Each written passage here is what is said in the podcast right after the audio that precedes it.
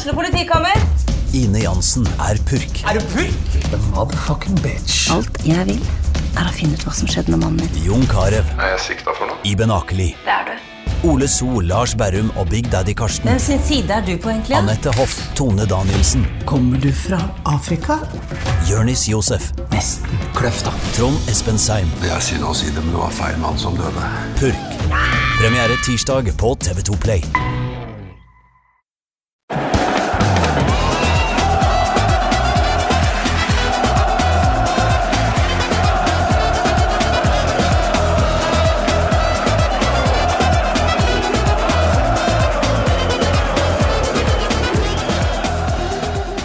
Hei og velkommen til en ny episode av Pyro og Pivo. Mitt navn er Morten Galaasen, og i dag så har jeg med meg en hel haug med norske fotballsupportere. Vi kan jo starte med de som har vært her før. Velkommen tilbake, Vålerenga-supporter Mathias Løb. Jo, takk for det. Takk for det. Velkommen tilbake også til eh, Vegard fra Godsunionen. Tusen takk. Delvis anonyme Vegard, som du ble kalt forrige gang. Ja, det holder, det. Ja, det holder i massevis. Eh, Og så har vi en debutant eh, fra Lyn, intet mindre. Eh, Alexander Koppås, velkommen. Hei, hei, takk. Vi kan jo ta en liten runde rundt bordet for eventuelle nye lyttere, og i det hele tatt for vår egen del. Mathias, du har vært med noen ganger før. Snakka både om derby mellom dere og oss, men også litt sånn generelt om norsk supporterliv, og det er jo det vi skal snakke om i dag, da. Ja, Det blir som regel i forkant av derbyene, eller når det, er, når det har rørt seg litt i eh, norsk tribunekultur. Da Enten så inviterer du meg, eller så inviterer jeg meg sjøl. Dette er liksom min psykologtime der jeg får eh, spy ut litt edder og galle, så det er artig, det. Ja. Akkurat i dag føler jeg meg ut som sånn fanget i en dårlig vits. En Lillestrøm-supporter, en Lyn-supporter, Vålerenga-supporter, en god supporter i et lydtett rom. Ja. Så det skal bli spennende hvordan dette utarter seg. Ja. Men, Og du eh, sitter jo litt sånn innesperra også. Ja, jeg så det. Rømningsveiene er liksom litt blokkerte. Så, så Ja, blokkert av. Lyn og godset. Men uh, hvordan står det til? Jo, det står bra til. Jeg er ikke aktuell med noe som helst. Det er uh, rein rutine i hverdagen, og så er jeg her for å slippe å få kjeft eh, hjemmefra. Så det går liksom i jobb og barn, og så er jeg gæren i helgene. Så, Men du rømmer hjemmefra for å slippe kjeft hjemme. ja, helt riktig. Får du ikke da kjeft når du kommer tilbake etter å ha rømt? Nei ja, det er alle hender som regel, da. Ja. Det er et par litt eh, lite gjennomtenkte valg her, tenker jeg. Altså, En ting er å rømme fra kjeft eh, bare for å få den seinere. En annen ting er å bruke meg som eh, psykolog. Det tror jeg ikke noen uh, kredible innafor det faget vil anbefale. Nei, Jeg syns det er ålreit. Jeg kan Ja. anbefale. Ja, vi har øl, i hvert fall. Deilig. Uh, Vegard, eh, åssen er det med livet i Drammen? Nei, det går ganske greit. Både på med tanke på fotball ellers. Eh, Gøy å være tilbake her. Prate om norsk tribunekultur, da, som eh, alle vi som sitter her syns er interessant. Og Jeg regner med de fleste som hører på, da, eh, bryr seg om. Um, Jeg hadde jo en sak på pyropivo.com før seriestart, hvor um, leder i Godsunionen, han er vel leder, tror jeg, Truls Sjøne, Riktig. Eh, hadde litt tanker om åssen sesongen kom til å se ut, og da var det litt sånn her, eh, ja, pluss-minus åttendeplass midt på treet, vi er fornøyd med noe sånt og har i det hele tatt trua på dette på lang sikt. Har sesongen vært omtrent som forventa, eller? Det har vært noen eh, store oppturer og noen sure nedturer, men jeg tror vi lander rundt det Truls sa, med kanskje en åttende-niendeplass. da. Mm. Og jeg er fornøyd med det, fordi eh, vi har jo egentlig vært i konstant nedrykksstrid siden 2017. Så hvis vi får en sånn relativt stabil sesong på en åttendeplass, så, tar vi- så tar vi den. Ja. Det, sånn pleide jeg å tenke før også, men uh, ting Jeg forandrer seg. ja, jeg tenker sånn nå, jeg òg. Det var en gang i tida hvor uh, midt på tabellen, uten noe å spille for, hørtes ut som det beste i hele verden. Nå som jeg er der uh, med mitt lag i Lillestrøm, så er det ikke så digg, egentlig. Det er eh, dritkjedelig. Men eh, uansett, det går jo an å ha det verre. Vi skal sikkert komme inn på det mm, både med deg, Mathias, og kanskje også med deg, Aleksander. For eh, Lyn eh, svever jo høyt for tida.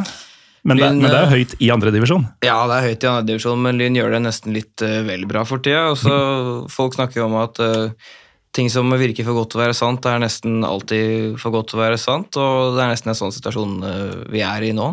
Det er seier på seier på seier, og det er voksne tribuntall, og det er flere og flere på Bastionfeltet. Så for øyeblikket så er det man svever, altså. Man gjør det på lyntribunen. Ja, altså Nyopprykka til andredivisjon. Og um, det er jo ikke sånn at dere har sikra noe opprykk ennå, men akkurat nå så svever dere jo gjennom. Ja, man skal være forsiktig og snakke om dette med, med opprykk, men for øyeblikket så, så går det bra. Det, det gjør det.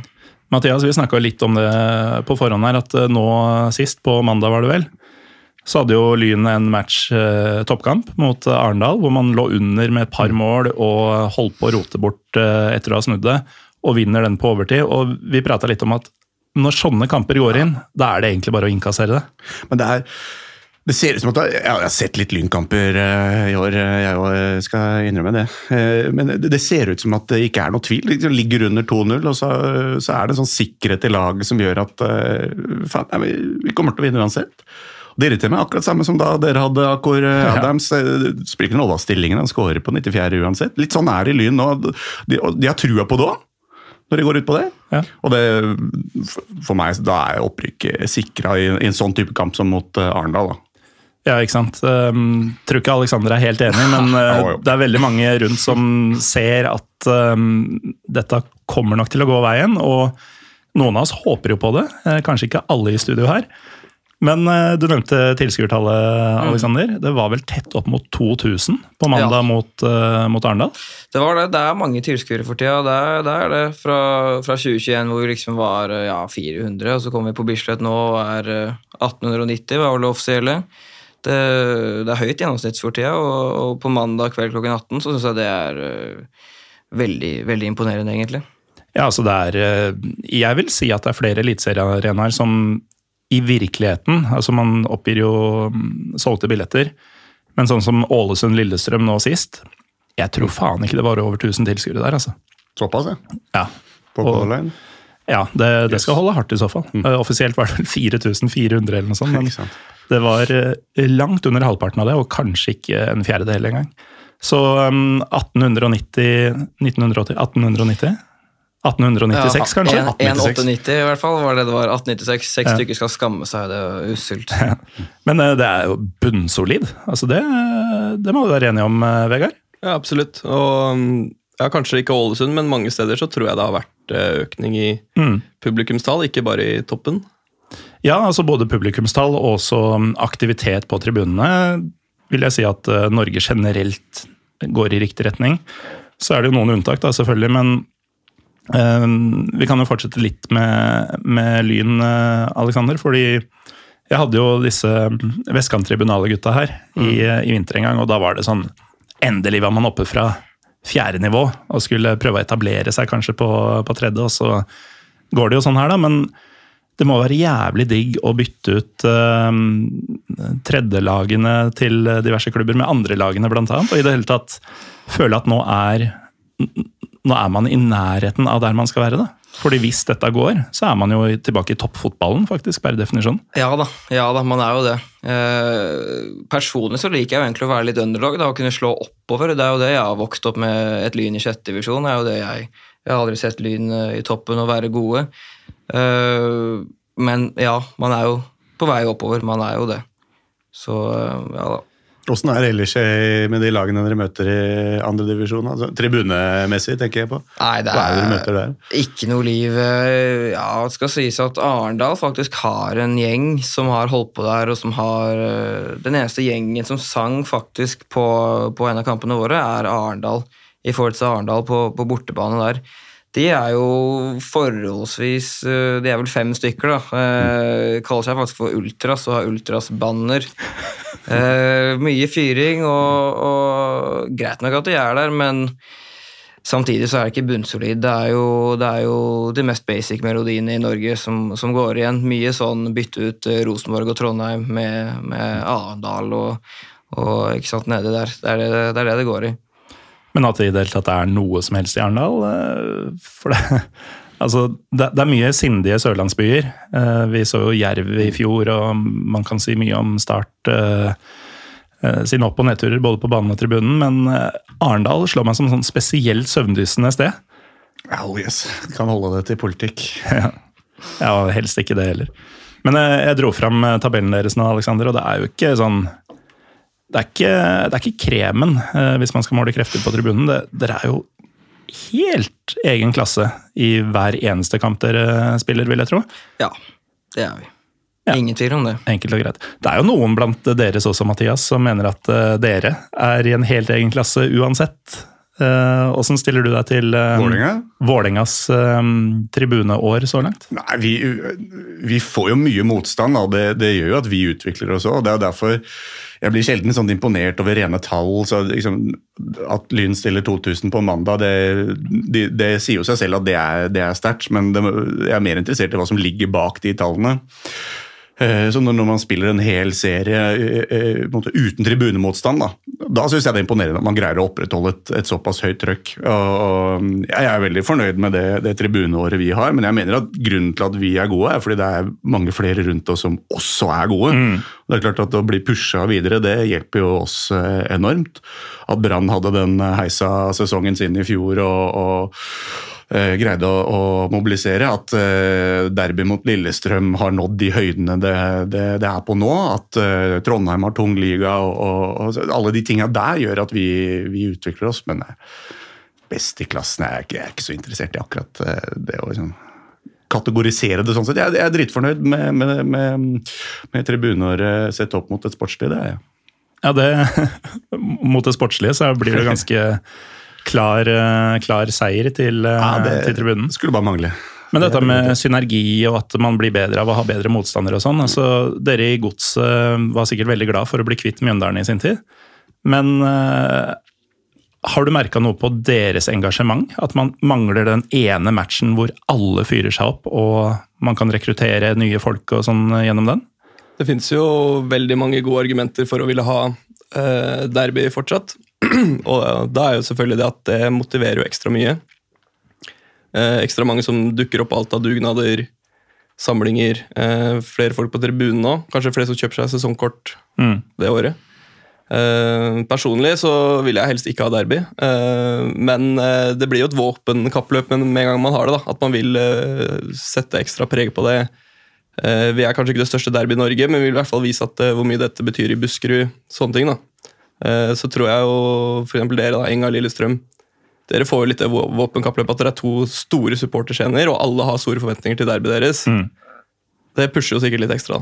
Ja, definitivt. Og det at Brann er tilbake og hadde så mye omtale og traction eh, det året de var nede, er sånn at eh, det blir jo sånn at når vi skal få Vålerenga eller Brann eller ja, Nå har jo Rosenborg også vært hypa i perioder på tribunene så blir det sånn at vi skal jo heve oss, for vi skal slå dem når de kommer.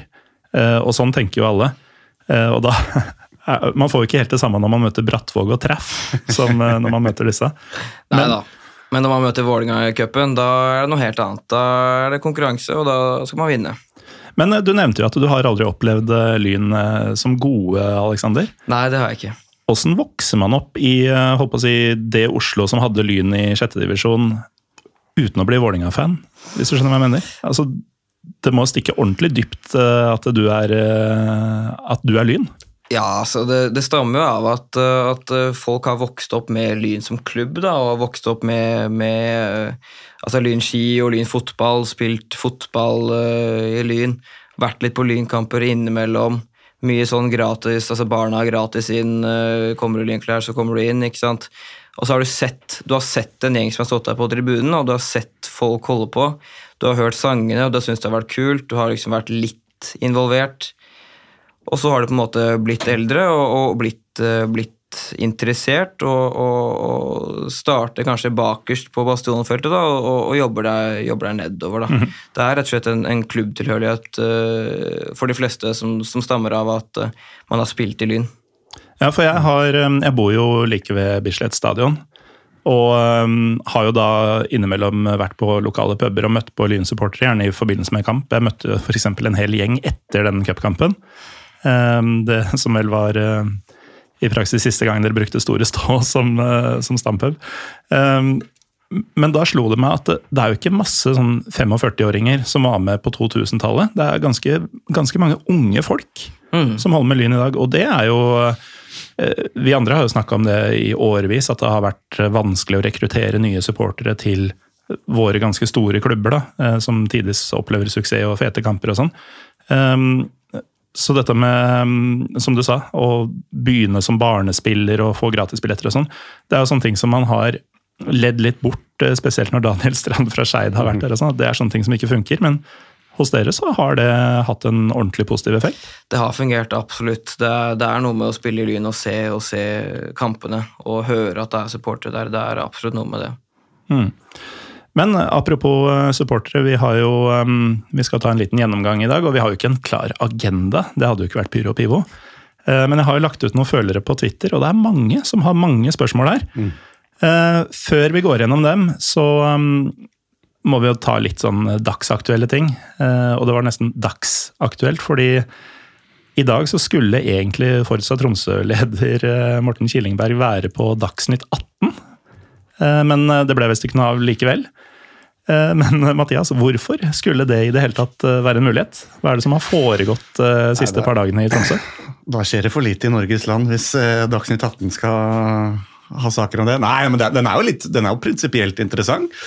Eh, nå har ikke jeg fått med meg hele, men, eh, men en undergruppe av Forsa Tromsø er blitt eh, stifta i forkant av den Rosenborg-kampen. Og det, det kom brått på, på, på mange, tror jeg. Et bilde med, med sensur og, og maskering, og det falt ikke i god smak hos diverse avisredaktører og, og fotballedere. Men ja, oppe i Tromsø, jeg tror, jeg tror de henger tilbake i noen år. Altså. Jeg, tror det, jeg tror det er, eh, Der oppe er det ikke mer enn 2010 eller 2011 kanskje, maks. Nei, jeg ble jo ringt av uh, avisa Nordlys, som i de siste dagene har hatt uh, spesielt denne redaktøren uh, Skjalg Fjellheim. Fantastisk sånn Tromsø-aktig navn, for øvrig. Uh, har jo da i ettertid hatt et lite korstog mot denne nye gruppa Alfheimar. Og um, da slo det meg, da jeg prata med, med Nordlys om dette, at det er jo akkurat de samme mekanismene vi hadde i eh, si Oslo-området for en 10-15-20 år siden. Da, eh, I Lillestrøms tilfelle, UFC var jo i sin tid en undergruppe i Kanarifansen. Mm. Med et uttrykk som den eldre garde ikke satte pris på, og spesielt sittepublikum og liksom den type folk som jeg tror denne redaktøren representerer. da. Eh, Og så ble det en slags demonisering, og det ble stadig mer sånn vi mot dem. Og så blei det en eh, konflikt, og det endte jo med at UFC ikke lenger var en del av Kanarifansen. Og, eh, ja.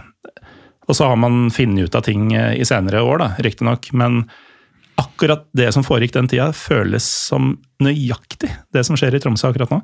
Hva er ditt forhold til, eller hva er ditt syn på saken i nord, Vegard? Jeg tenker jo Media kan jo være en av grunnene til at folk ønsker å være anonyme på fotballkamper. Mm. Eh, nettopp fordi du vet aldri hva bilder og klipp kan bli brukt til seinere. Eh, I hvilken sammenheng. Eh, man kan bruke bilder av pyro på en tribune eh, og legge ved en nyhetssak om f.eks. en slåsskamp. Mm. Eh, og så står det der at eh, ja, du blir satt i sammenheng med det. Eh, det andre jeg vil si om det, er egentlig bare oppfordring til de i Tromsø og kanskje support generelt, å ikke bry seg så mye om hva media skriver eller hva folk skriver på Facebook. og bare, ja, Hvorfor skal man bry seg om det? Ja, og kanskje spesielt i disse tilfellene, da, hvor de har um, støtte fra både supporterlederen, eh, som går god for hele gjengen. Um, spillerne har jo lagt ut i sosiale medier både støtteerklæringer og køddebilder, faktisk. Um, Tromsø la ut uh, at noen av spillerne hadde masker på under treninga i dag. Og um, så har jo denne klubblederen, Øyvind Alapnes, også i stor grad uttrykt støtte for dem. Så egentlig så er jo ikke dette noen sak. Nei, Sånn sett er det helt uproblematisk. Eh, De, de, de støtter et lag som spiller eh, bra fotball. De eh, har støtte innad i det laget, de har støtte i, ledelsen, og da er det bare å kjøre på. Vi har fått inn et spørsmål her fra Yndlingen, vikingsupporter, som har vært med, vært med på podkasten tidligere. Han stiller et litt um, veldig åpent og litt interessant spørsmål. Hva er neste mål for hver enkelt tribune? Altså, Hvor skal f.eks. Østblokka, Godsunionen, Lyn være om fem år? Og jeg veit at uh, i Lillestrøm så er det veldig uh, Jeg tror ikke det fins et menneske som har det der kinesiske femårsplansperspektivet. Men hvis man ser på derbyene um, i 2018 Ja, eh, kontra nå Det var fine derbyer. ja, Det var jævlig dårlig forslag. Men jeg kunne ikke si 2019, for da tror jeg vi begynte å selge ut. Det var vel da det begynte Ja, å klikke skikkelig. Um, så har det jo utvikla seg veldig, både hos oss og dere, Mathias. Mm. Um, Men jeg veit ikke om det er resultatet av noen sånn langsiktig planlegging, eller, eh, eller noe sånt? Nei, det vet jeg ikke. Uh, derby det lever vel på en måte sitt, sitt eget uh, liv. Men um, spørsmålet er hvor vi er om eh, fem år, nei, gudene veit. Men, eh, men eh, Jeg vil i hvert fall si ganske klart at vi er bedre nå enn for fem år siden. ja. Um, men vi var også bedre for ti år siden enn vi var for fem år siden, så det er ikke sånn at pila går oppover uansett. Nei da. nei da. Og så er det Samfunnet forandrer seg òg, så det, liksom det å sammenligne ting for ti år siden, det, det blir, også, blir også litt kunstig. Men, eh, men eh, så lenge måte, det, som, det som skjer i norsk tribunekultur nå, den utviklingen ser med flere yngre, eh, flere storlag på vei opp, Fredrikstad på vei opp, Lyn på vei opp, Brann er der de skal være, Vik skal være det. Vi risikerer en sunnfri eliteserie neste år, som hadde vært helt fantastisk. Ja, det er et politisk parti jeg vurderte å stifte. Sunn ut av norsk toppfotball. Men, men måte, så lenge den utviklingen fortsetter å skje, så kommer også østblokka til å, til å, til å være god, uavhengig av hvor ræva Vålerenga er. Da. Så øh, jeg er veldig positiv øh, for øh, utviklingen. Jeg håper, jeg håper at det å ha sesongkort på, på kortsida der er, blir så attraktivt at, at det er utsolgt hver kamp før, før serien i hele tatt har starta i gang. Det er klart at det, å bare si det høres helt dust ut. Men, En verden der man må ha sesongkort for å få stå på hjemmekampene. Ja, det drømmer jeg om. Det, det, som sagt, det høres helt uh, idiotisk ut, men uh, snittet på nesten 2500 uh, stående, syngende supportere um, som ser på hva er det, Europas dårligste hjemmelag? Ja, det må det være. Jeg tror det er det. Helt oppriktig. Dere er vel verre hjemme enn Ålesund? Ja, ja. Ålesund Ja, er det desidert dårligste laget i norsk fotball. Altså inkludert første, andre, tredje Og folk kommer gang på gang, og åpenbart ikke for å se på fotball. Så det, så det, det skjer eh, Det er fett å, å, å- være en del av et eh, supportermiljø. da. Mm. Og det gjelder ikke bare oss. og Så lenge, igjen, så lenge det vedvarer, så, så kan jeg ikke se at det, det skal avta. da. Finnes det noe eh, politbyrå og noen sterke menn i Drammen som har satt opp en femårsplan for tribunelivet, Vegard? Det er litt artig at spørsmålet var fem år, for jeg tror det er litt sånn Godsunionen og styret der jobber nå. da. Eh, og tenke langsiktig. Uh, for det er jo, det går veldig opp og ned, syns jeg. Hvis vi bare skal snakke om hvordan jeg syns vårt tribuneliv er, at det går veldig opp og ned. Det er litt sånn ujevnt. Uh, så tror jeg liksom planen er å virkelig heve det bunnivået og ligge stabilt. Og så Jeg husker ikke helt snitt, da, men vi ligger sånn på ca. 1000-1200 solgte billetter til vår ståtribune på hjemmekampene nå. Mm. Så tror jeg kanskje man kan sette seg med et mål eller heller ligge på 1500. eh, og hvis det går bra sportslig, så tror jeg vi også nesten kan nærme oss 2000. da. Ja, så 1000 pluss eh, på ståtribunen er jo ganske bra i norsk eh, målestokk, hvis det på en måte er eh, standarden, da, og at det på store kamper er vesentlig mer. Men eh, hvordan er aktivitetsnivået, da? Hvis man er 1500 f.eks., hvor mange er det som bidrar? Det er nok eh, dessverre sånn i Drammen at mange kommer jo på hjemmekamp kanskje og forventer å vinne, og noen det sitter litt langt inne å være aktiv eh, hvis spill ikke går vår vei. Så det blir også å heve prosentandelen som faktisk er aktiv i hele kampen da, eh, på vår tribune. Og det er, eh, det er nok en vanskelig jobb, men eh, kanskje på fem år så klarer man å bygge litt sterkere kultur og mentalitet. da. Mm. Ja, i hvert fall hvis man har en plan bak det. Samme spørsmål blir kanskje litt annerledes for dere, Alexander. fordi Hvis man ser på et femårsperspektiv, så har vel dere kanskje mål om å være på et enda høyere sportslig nivå. Og med det så kommer jo entusiasmen eh, litt av seg sjøl.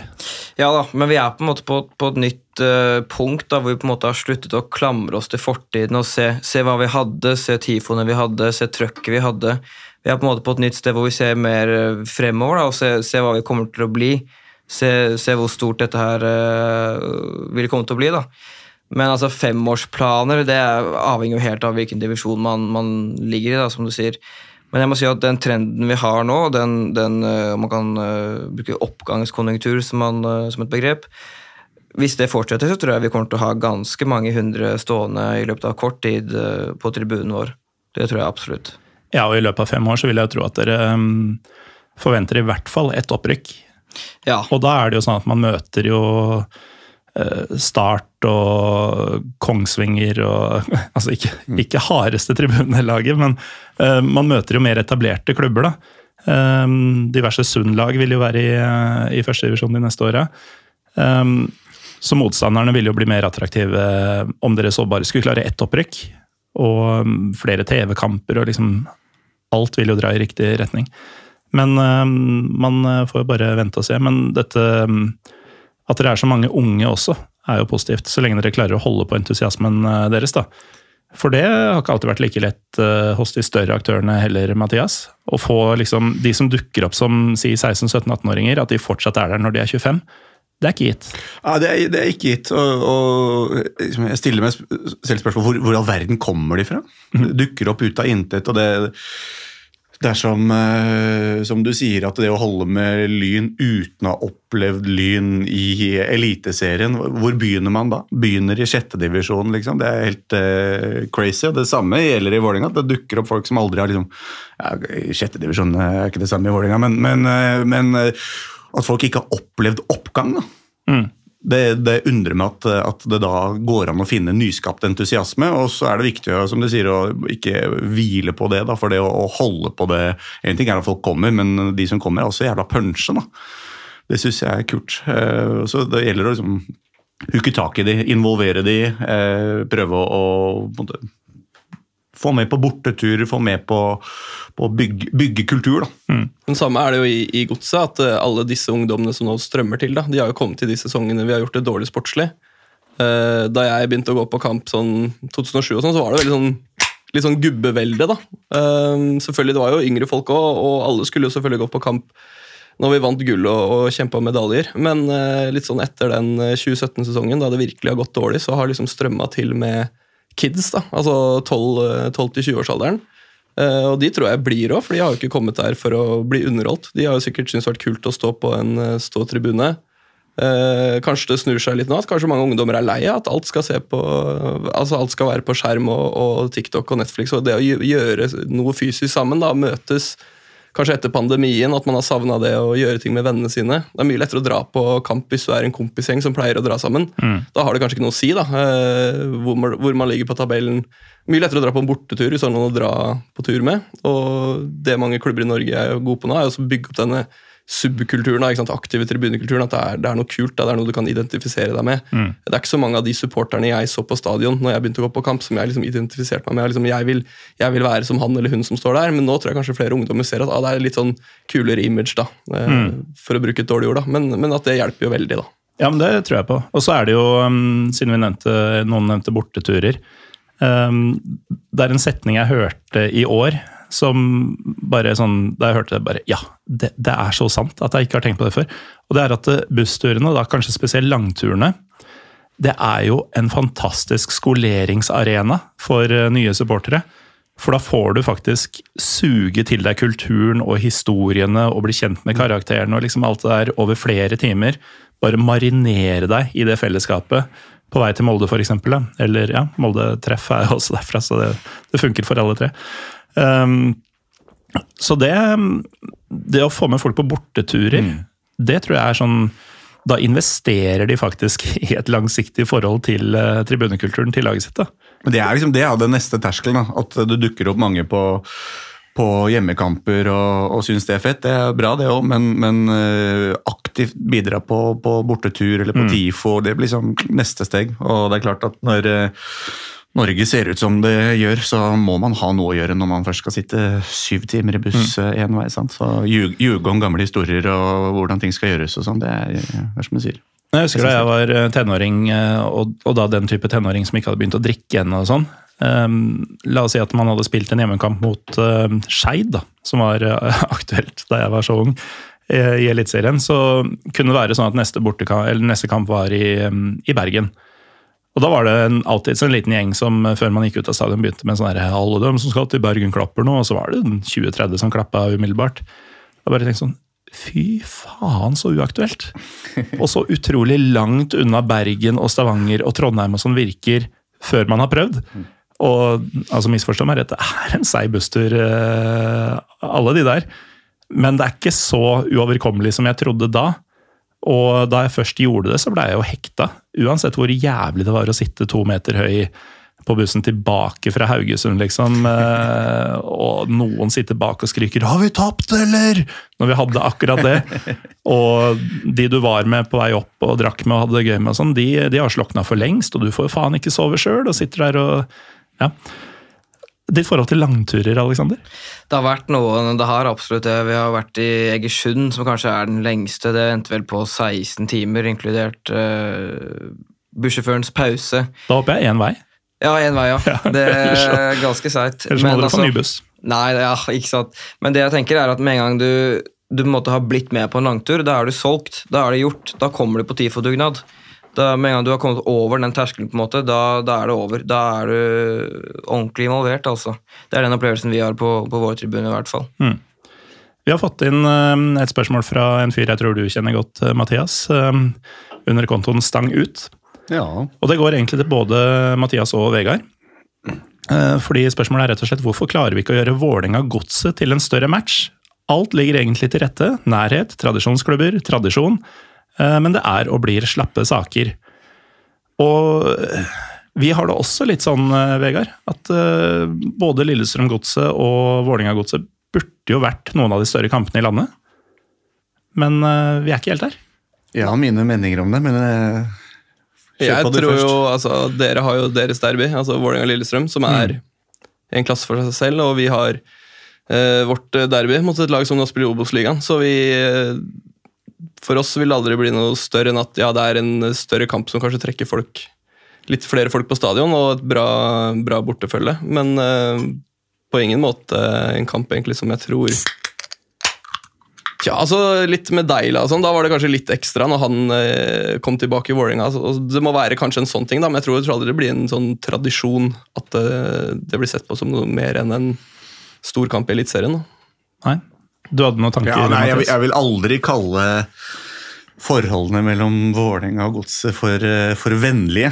Det, det er det ikke. Men, det var det eh, visstnok i gamle dager. Ja, det- I hvert fall fra Godsets liksom- side. Det er jo derfor jeg skal på en måte i den retningen. Da. Det, er, det er jo mange bekjentskaper og, og eh, det er noen karakterer i Vålerenga som, som har sin rot i, i Drammensmiljøene. Dere veit godt hvem de er, holdt jeg på å si, som gjør at liksom, man kjenner folk, og da får du liksom en slags sånn nærhet til det som ikke er basert på et, på et hatnivå. Eh, Um, I hvert fall sånn, sånn jeg uh, føler det. At det, ligger et eller annet uh, bakomforliggende som jeg ikke greier helt å forklare, som er sånn tendenser til, til kameratslige. Eh, som, ja, men det gjør at det får ikke noe edge hos meg, da. Nei. Nei, altså det, det er synd, fordi eh, på, man er jo ikke bortskjemt med svære, gode supportergjenger eh, i Norge generelt, men eh, på Østlandet altså Vi har jo et par, men så er det jo sånn Stabekk og Serp og ja, HamKam og sånn. Det, det er ikke rare greiene, men Godset har liksom De har vist flere ganger at de har et høyt toppnivå. Og det hadde vært så kult å få til større, sånn, eller flere sånn større tribuneoppgjør på Østlandet enn, enn man har. som faste Ja, liksom, alt ligger jo der. Det er avstand, det er, en, det er togtur, det er, det er sterke tradisjoner, det er ålreite tribunemiljøer. Men hvis man skulle liksom begynne å avle et sånt der, en rivalisering eller hat, så, vil, så oppleves det, Det nå kunstig. ikke sant? Det, blir, det føler jeg blir for konstruert, og det var jo litt et eller annet med noen en gang i tida som prøvde liksom at Stabæk-godset skulle være et derby, fordi eh, i, Det var vel da Discovery hadde det derre derby lørdag. Ja, det var som med Sandefjord. prøvde de, liksom, Det er jo ingen i Drammen som bryr seg om Sandefjord. Eh, selv om Sandefjord og Stabæk ligger nærme Drammen, så er det Vi har ett derby. Eh, det er det eneste derby vi har. Vi kommer aldri til å få noen andre derbyer heller, tror jeg. Så Mm. det tror jeg ikke er mulig. Nei, hvem skulle det vært, da? Notodden? Stabæk har prøvd jævlig hardt å bli hata. Men det er jo vanskelig å hate Stabæk. Jeg mener å huske en gang, om det var på 90- eller tidlig 2000-tallet, hvor det var noen Stabæk-supportere som i praksis hadde en eh, Om det var en fanzine-artikkel eller hva det var. Kom og hat oss! Ja, ikke sant? Ja. Det, det orker vi jo ikke. Det, det er for mye hat. Men det, det er et veldig legitimt spørsmål. Jeg skulle gjerne, skulle gjerne ønske at det var et høyere tenningsnivå. og det var, Jeg syns det var befriende de, de kampene hvor ikke sant, Deila gikk til Vålinga eller uh, Stengel gikk til, til da var det liksom, det, det gjorde at det oppgjøret ble, ble hakket mer interessant. Da. Men det er, liksom, det er noe sånt som skal til før, før um, det når et nytt nivå. Da. Det står litt på, på stedet hvil, syns Og jeg. vi har hatt ganske Vi har ikke hatt så bra oppmøte borte mot Enga heller i de siste årene. Eh, dere hadde veldig bra i år, men i fjor så hadde jo Ja, dere bare tre, grusomt i fjor. 300, så det blir jo aldri i hvert fall noe stabilt. Det går litt opp og ned, tror jeg.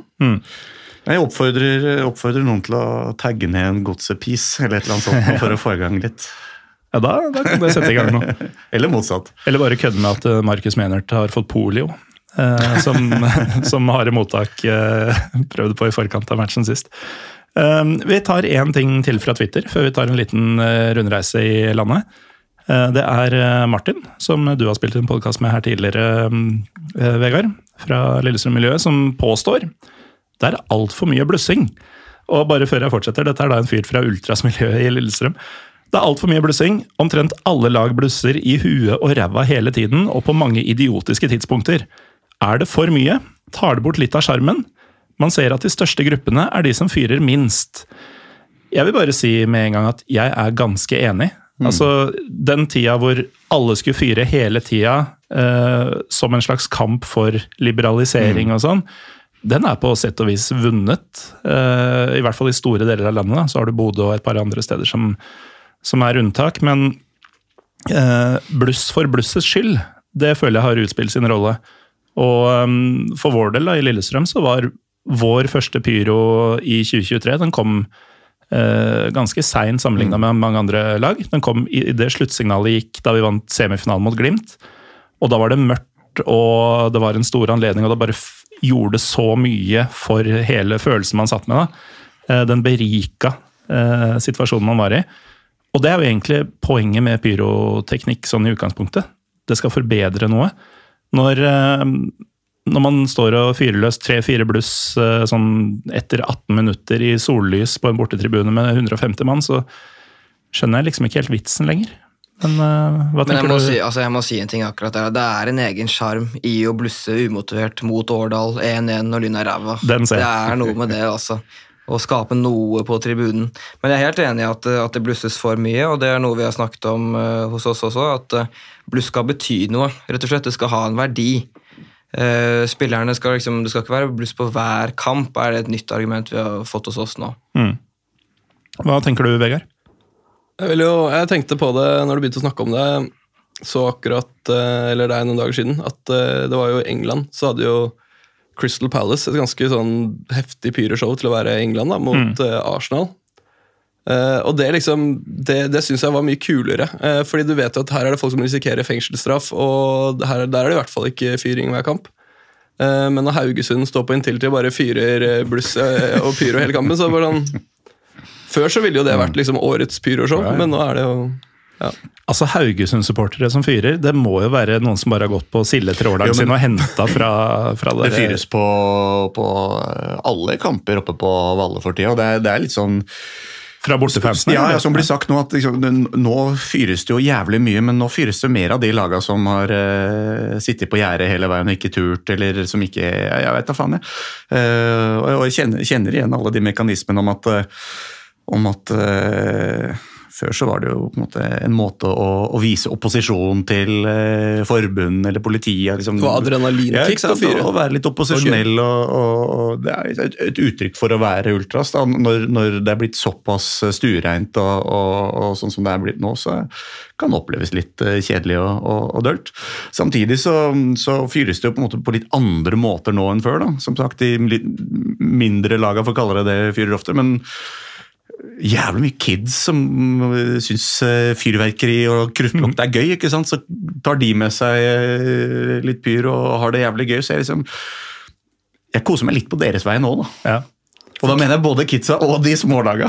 Det er bra med pyro for kidsa, men jeg kjenner jo selv, det, det gir jo ikke meg Nei, så det mye ikke mer. Før så var det faktisk at du fikk jo det adrenalinkicket av fyr ulovlig, eh, måtte gjemme deg etterpå og alle de tingene, men det, det er jo borte.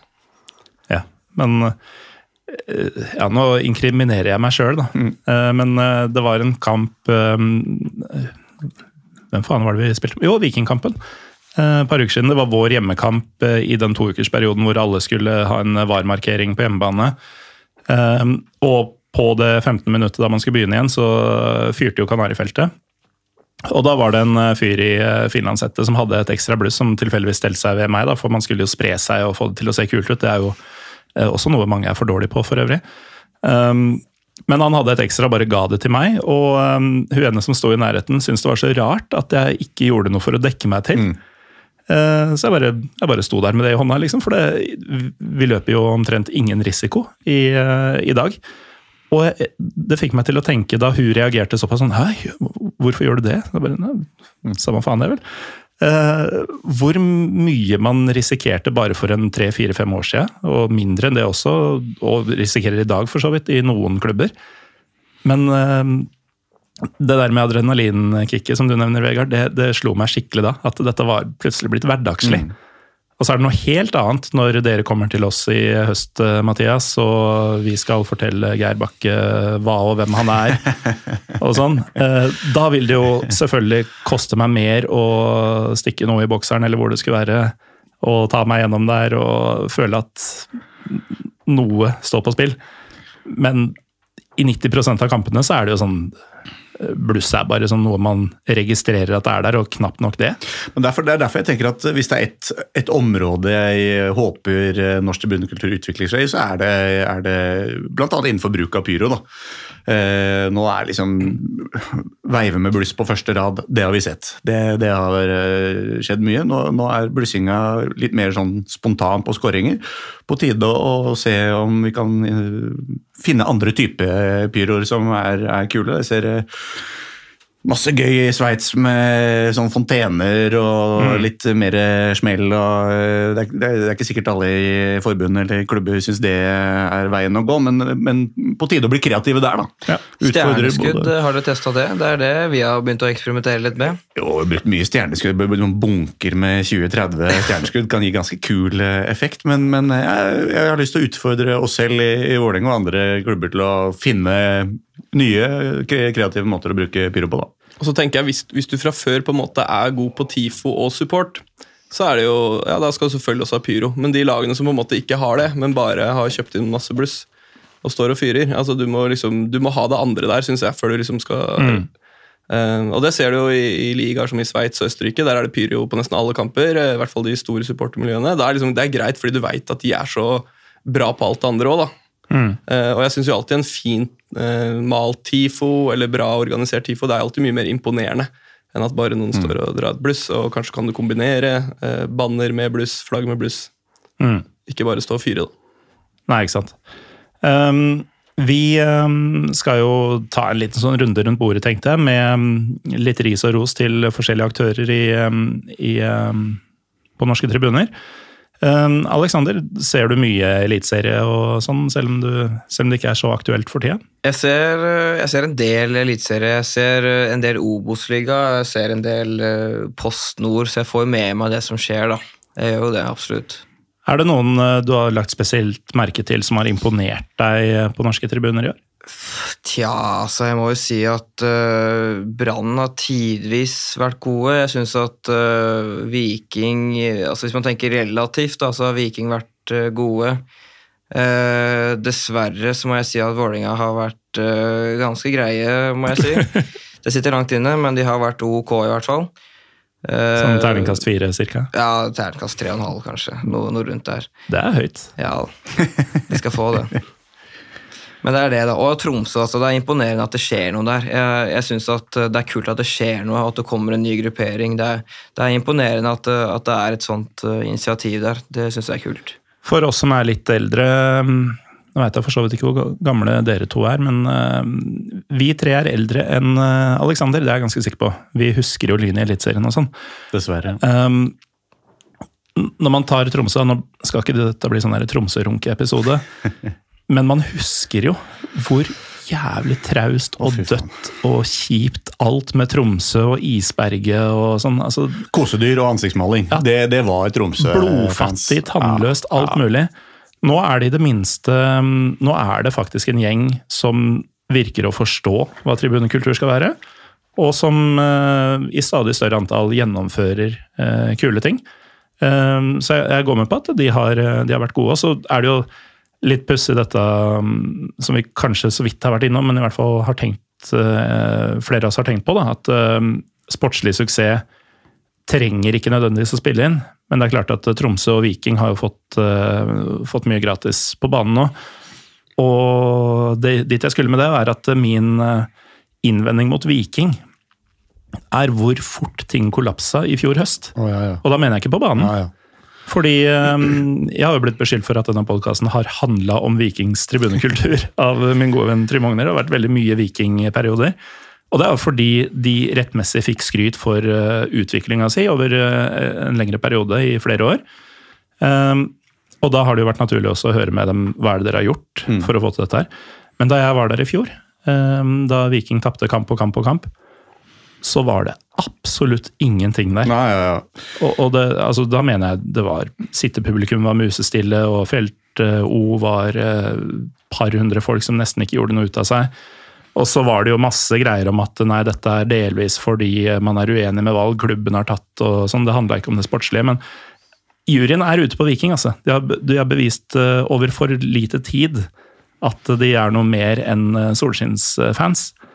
Um, er min mening. Hva Ja, ja, nei, min, min ris og ros går begge til uh, Viking på en og samme tid. Det er klart at eh, i, i sportslig medgang så, så, så er eh, felt O helt der oppe, altså. Og, og- Ja, for det er skikkelig bra når det er ja, bra. ja. Jeg var, var i Stavanger nå i, i helgen, og det var, eh, jeg synes det var et dritkult oppgjør. Det var, eh, var liksom nesten en hel sving eh, som står og hopper og gauler. Og, og mm, det er ikke hverdagskost, eh, det. Jeg synes det er imponerende det de får til. Men samtidig så vet jeg at når det sports, den sportslige su suksessen avtar, for det, det kommer til å skje på et eller annet tidspunkt, da er det tilbake igjen til, til det Viking vi har sett i så lang tid.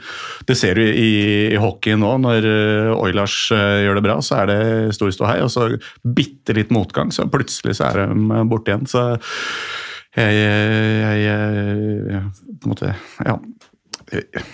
Var Jeg blir ikke imponert før jeg ser at det er eh, kontinuitet i det de viser nå. da. de var veldig sterke på bortefeltet på Åråsen også. Ja, det, det var riktignok i den eh, vinne alle kampene sine-perioden. og men, men det var uansett en enorm forandring fra det Viking jeg kjente da jeg vokste opp, Ja. og som jeg egentlig kjente inntil sånn type 2018-1920. Um, men uh, ja, det er, det er det. De må bevise at de er der eh, også når det går dårlig neste gang. Men uh, jeg husker jeg leste VG-loopen, som var en greie i gamle dager, Alexander. Uh, før en sesong, eh, om det var i 98 eller noe sånt, altså evigheter siden. Eh, og jeg visste jo ingenting om hva som foregikk på Stavanger stadion, som de da spilte på. men da sto det faktisk eh, under ressurser, for da blanda man ofte inn publikummet, eh, at de hadde Norges mest kravstore publikum. Ja, Og hvis det var i 98, da, så er jo det fortsatt sant 25 år etterpå, selv om mm, veldig mange av de folka som gikk på det stadionet den gang, har blitt bytta ut. Så det er muligens noe i, i kulturen i Rogaland som, som de må shake opp litt da, for å bli gode over tid. Men samtidig så ser det ut som at det er flere grupperinger der nå. Da, at, det er mer, eh, at det er mer organisert. Da. Men jeg er helt enig, det er jo i viss grad medgangssupportere. Det er jo absolutt, det er ikke lenge siden de hadde bannere overalt hvor det var, eh, at de var uenige i alt mulig, og at det sportslige var, var dårlig. Men så har de jo vært eh, gode i det siste, da. Og, men jeg har noen minuser på Viking sjøl, jeg har det. Det ene er at jeg syns at tribunesangen er for basic, rett og slett. Det er mye, mye sånn Pippi Langstrømpe-melodi, veldig sånn klassisk sånn nordisk Altså Alle nordiske lag har på en måte sanger eller liksom, melodier som går på de samme tingene som, som uh, Viking har. Jeg synes De skal være litt mer, de burde være litt mer kreative. litt mer, uh, Foreløpig syns jeg at de er litt uh, uoriginale. Mm. Men uh, det skal sies tilbake til disse grupperingene. Det er noe jeg syns er litt kult. altså Det er det. altså dette, Nå har jeg ikke fått med meg hvordan det uttales. dette Vecchia, Vecchia Guardia. Ja, disse greiene her. Det, jeg syns at det er, det er litt kult. Litt små, småkult. Det skal de få. Ja, og akkurat den gruppa, det betyr jo The Old Guard på engelsk. Eh, Det er jo faktisk en gjeng med folk på pluss minus 40. Er ikke så- han Mimmi Kristiansson en del av de gutta der? Det kan godt hende. Jeg tror han er, Men de har han er med, eller medlem. De har, hvis jeg ikke tar feil, malt seg et banner, ikke trykka opp. Nei, og liksom, de, de gjør sånne uh, Young People's Game-ting. Mm. Eh, og så veit jeg ikke helt hva de gjør på selve tribunen, men det er uansett kult at de uh, gjør de, de tinga som er en del av å både pryde tribunen og aktiviteter som man forbinder med ja, aktivitet. Men det å samle seg under én felles uh, paraply i felt 2, det tror jeg var et jævlig lurt grep. Mm. For det var ikke alle som uh, identifiserte seg med hordene.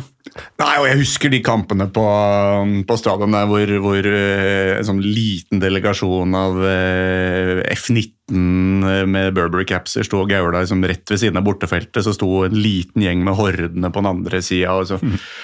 Det gikk i tre forskjellige låter, én fra bortefeltet, én fra F-19 en fra hordene samtidig. så Og det alle var 20. Ja, ikke sant? Og så er det Langsiden er ikke fylt opp eller noe, og så plutselig har du et eller annet som, som favner både den offisielle supportergrupperinga og ultrasgrupperinga, og sett at det er kommet litt sånn kranglegutter der også, så det er liksom mye er blitt samla under, under ett, og det tror jeg er veldig viktig for, for, um, for Viking sin del, og, og, og kjenner igjen hos oss òg, da. Um, Vegard, Alexander nevnte um, bl.a. Tromsø, Viking, og Vålinga og Brann som eh, positive denne sesongen. Er dine, hvem er det som har imponert deg? Nei, kan, eh, nå har vi jo snakka om noen andre, men kan snakke om for eksempel der det er sikkert veldig vanskelig å få til noe. altså Sånn som Ålesund, da. Men Mm. likevel så er det bare noen som ikke gir seg. Det er et par ild- ildsjeler. Ja, dette um, Ålesund Support. eh, Ålesund. Support. Um, og de syns jeg på en måte de gjør bare alt eh, riktig. De bryr seg ikke så mye om kanskje hva andre mener. De skriver veldig lite, ikke noe kjekkaseri på sosiale medier. Lager ganske fine tifoer. Mm.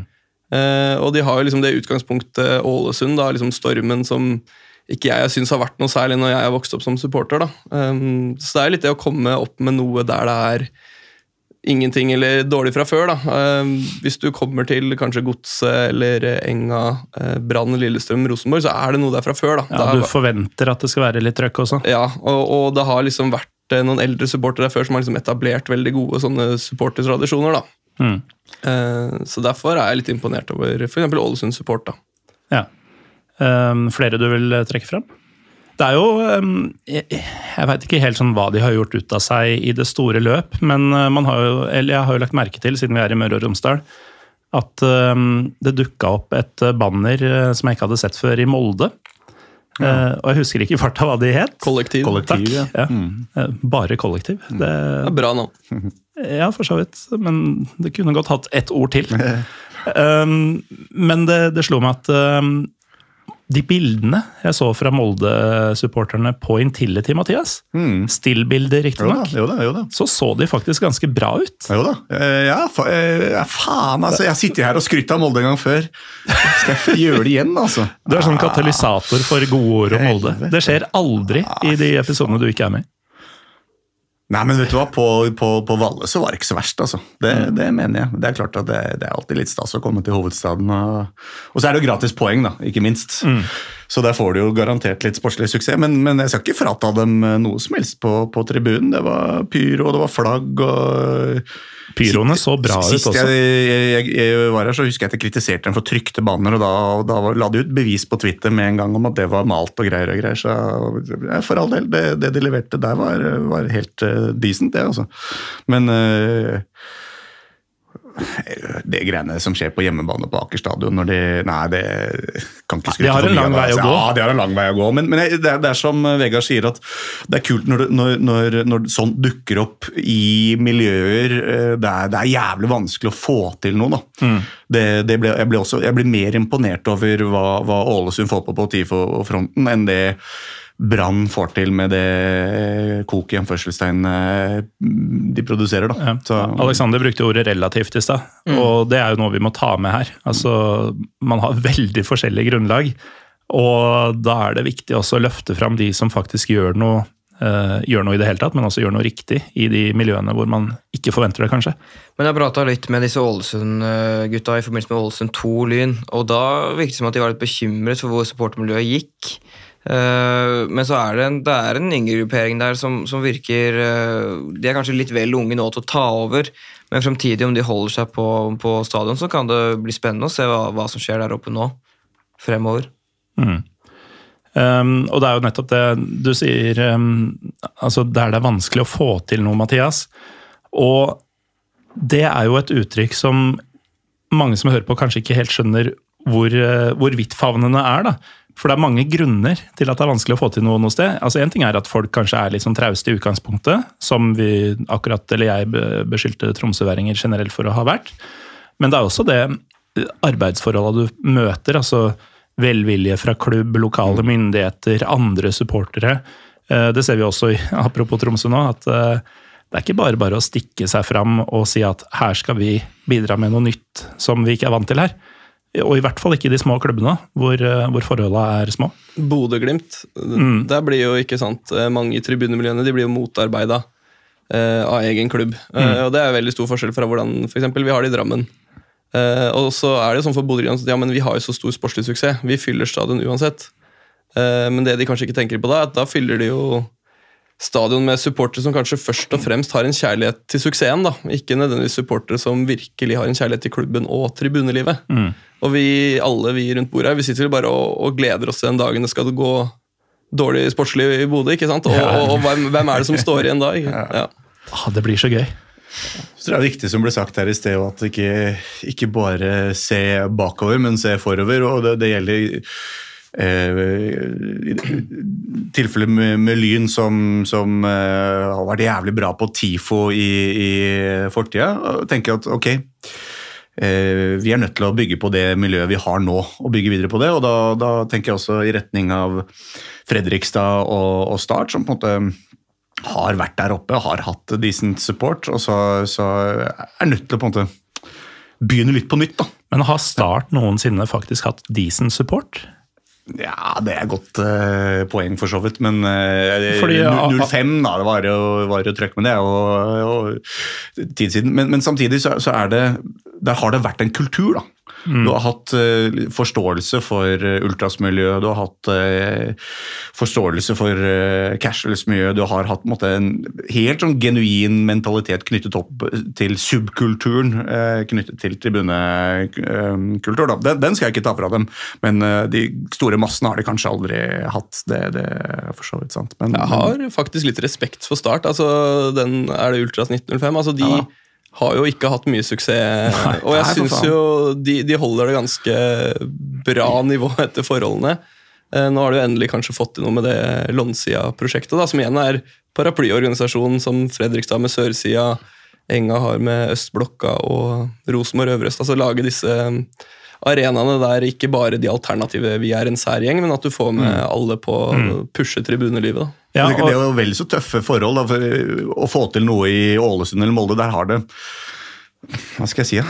Eh, kanskje ikke den samme oppfattelsen av, av hva, hva, hva, hva eh, tribunekultur innebærer. da. Eller kanskje en, sin egen greie på det. da.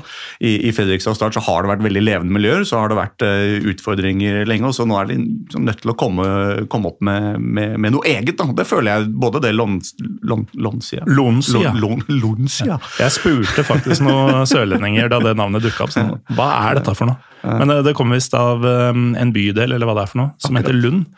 Men den uh, hevdes uh, da at uh, de lokale uttaler Lund. Og da blir det Lonsia. Lonsia, ja. ja riktig.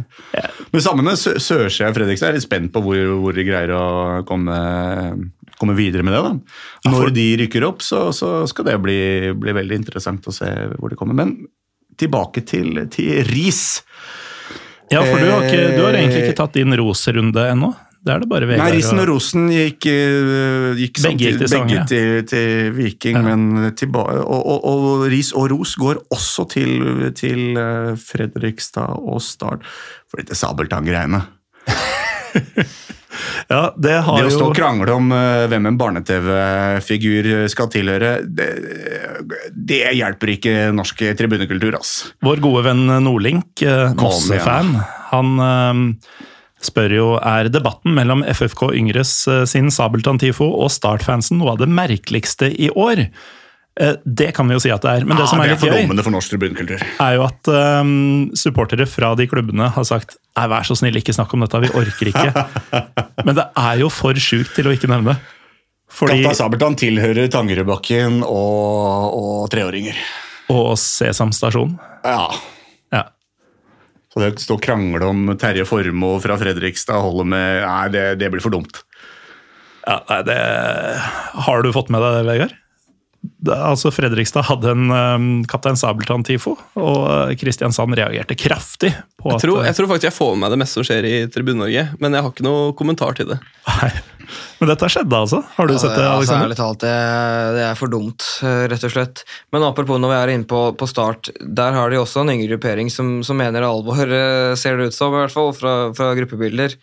Eh, og jeg syns også at Fredrikstad Yngremanden Det er noe annet i år enn hva det var i fjor. Det, de, altså de, det er lovende, de greiene der, med, med verdens minste capo og, og uh, altså, ser, Jeg så dem på Skeid.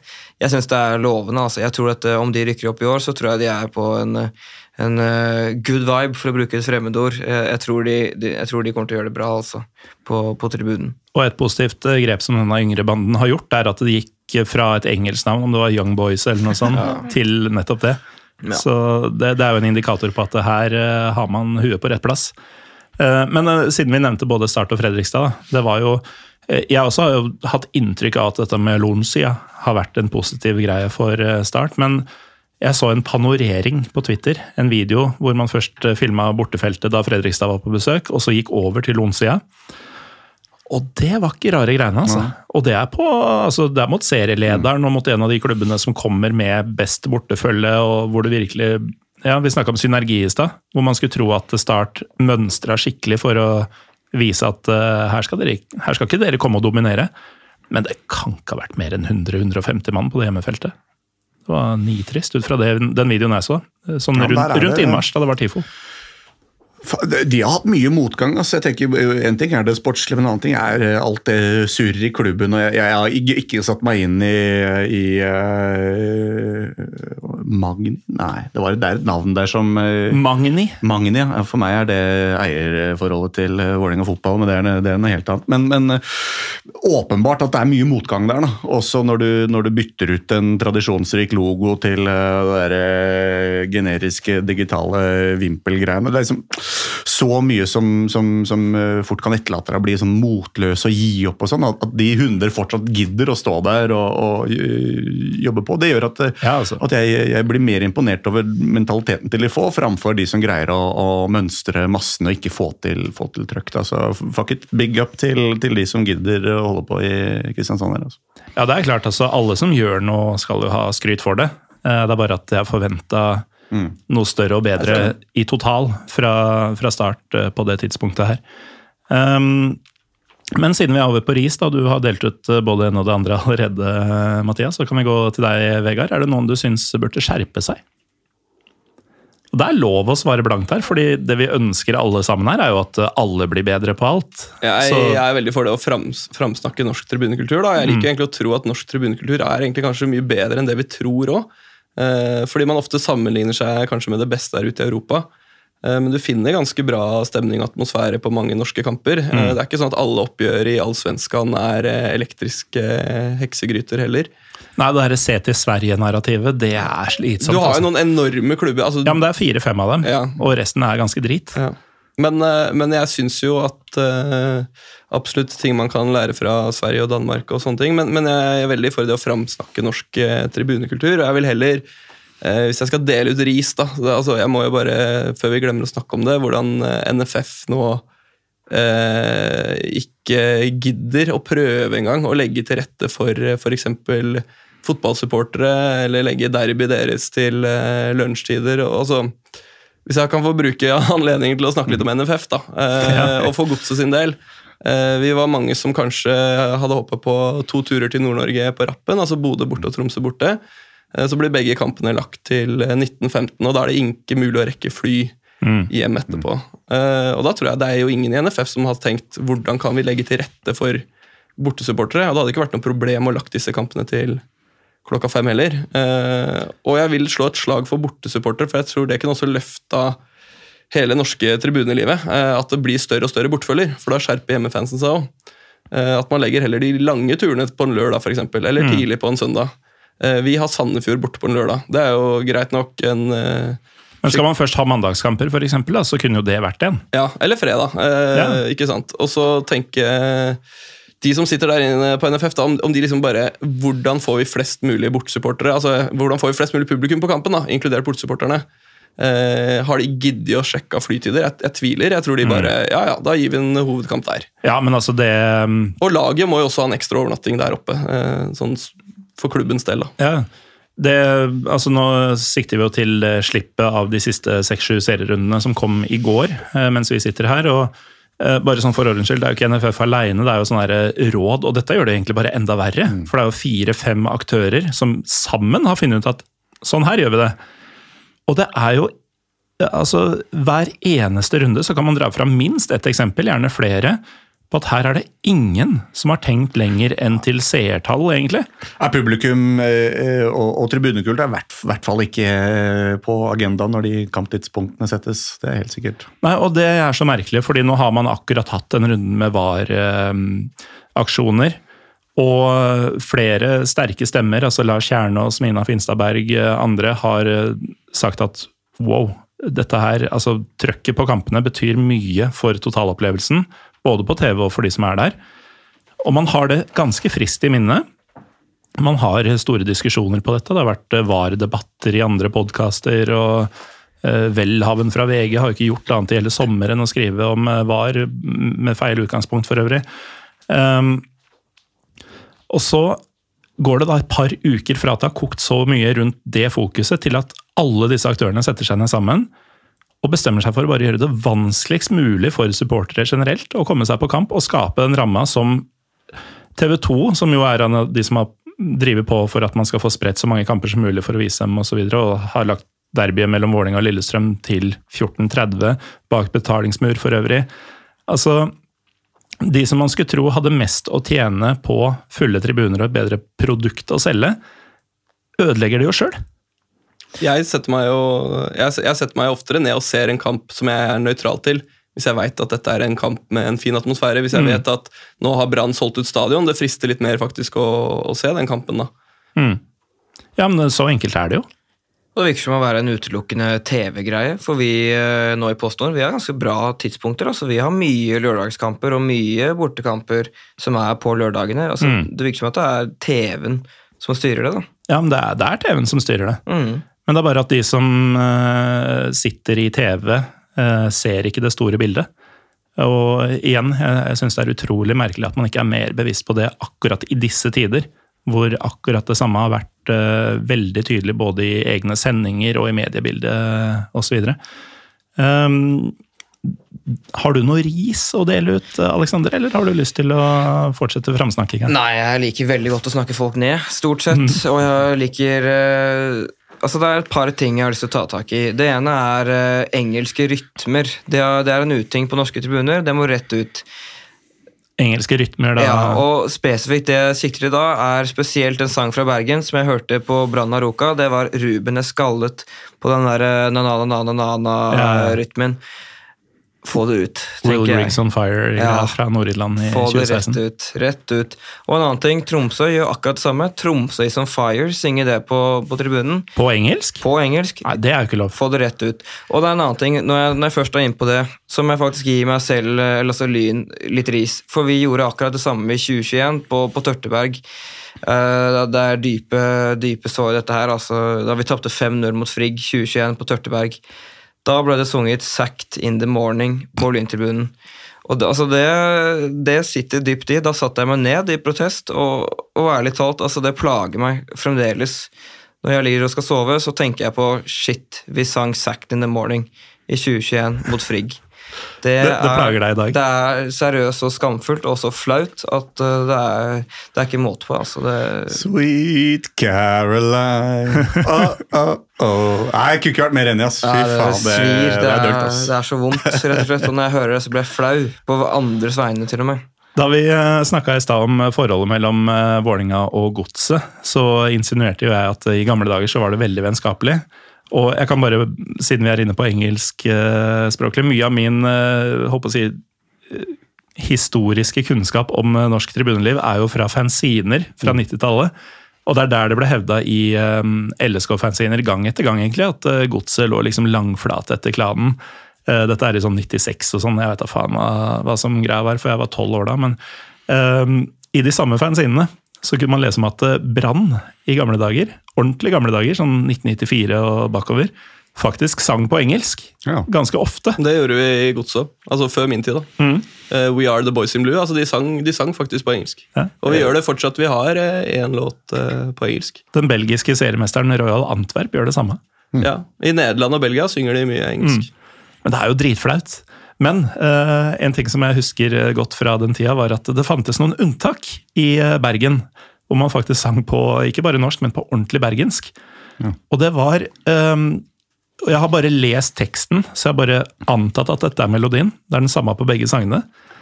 Sug deg mens du driter! Åh, sug deg mens du driter! Det var én. Og eh, en ting som de bare kunne sagt i Bergen, og kanskje på vestkanten, Alexander. For han har krøller i ræven! Ja, men det kan, jeg, det kan jeg sette mer pris på Ja. enn uh, en, uh, britiske rytmer, som det ble kalt. Sug meg mens du driter. På bergensk. Ja, sug deg mens du Sug deg mens du Ja. driter. Ja. Stay classy, San Diego. Eh, Kilden her er da Humbug og Kanari anno 1995, så mm. hvorvidt dette noensinne blei synget, er jeg jo faktisk ikke helt sikker på. Om det er den melodien, vet jeg heller ikke, men jeg velger å tro at det er sånn. Um, hvis vi har tatt runden med ris og ros eh, sånn i det store og det hele, så um, har jeg et um, hva skal vi si, et prinsipielt spørsmål fra um, Erlend at Cocorinho. Og her er det ganske mange meninger, vet jeg. Hvis det er todelt tribune, to etasjer, eh, hva foretrekkes av å stå på øvre del, tett på taket, eh, et stykke fra matta, men eh, lyd som ikke forsvinner ut? Eller nede ved banen, eh, med bare delvis tak, eh, som i teorien gir mindre trøkk pga. lyden forsvinner, men eh, kanskje mer fryktinngytende syn? Um, vi i Lillestrøm sto høyt oppe i Stavanger da jeg var der i fjor. Jeg så at dere sto lavest nå. Um, hva er ditt eh, forhold til eh, en sånn type plassering generelt, eh, Mathias? Altså, Får du til begge deler, så er det jo helt optimalt. og der, det, det har jo vært kanskje litt bortskjemte med i Vålerenga. der eh, klanen, Enga Tifo, eh, på en måte mer etablerte eh, supportermiljøene har eh, hatt en tradisjon for å stå høyt og under tak, og da bærer lyden godt. Mens eh, ultras-relaterte grupper de liker mer det visuelle uttrykket, og, og greier du å få til en samkjøring der, da har du jo de beste forhold. Men der vi ikke er eh, mange nok, så har vi tendert til å stå mer eh, nede de siste årene. Det går på bekostning av, av uh, volum og, og, og, og lyd, men uh, det visuelle er vel så viktig. Om Ja. ikke viktigere for, for oss akkurat der vi er nå, da. Og så er det noe med å være på bortebane at um, det føles riktig når man har reist så langt og på en måte ofra en del av både tid og penger og sånn, og være så nærme som mulig Ja, spilleren man man er der for. Mm. Ja, helt riktig. Stå litt tettere banen. Og du er nærmere opplevelsen. Ikke at vi skårer så mye mål, men da har du i hvert fall muligheten til å være eh, tettere på. Nei, vi, vi eh, trekker mer mot uh, nedre, men eh, Det er kanskje ikke så mange sånne valg dere må ta i andredivisjon, Aleksander? Vi har tatt ett valg, og det var på Intility. Da valgte vi å stå oppe, for at lyden, altså akustikken, blir bedre. Vi er vant til det på Bislett. altså Når du krøker deg helt inntil taket der, så blir lyden altså Det høres ut som det er mange tusen, ikke sant? når du egentlig er et par hundre.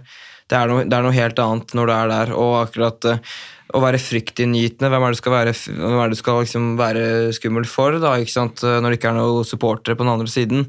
Da er det bedre at det er bra trøkk, og at man hører det på, på TV-sendingen, tenker jeg. da, I etterkant, når du hører og ikke ser kampen.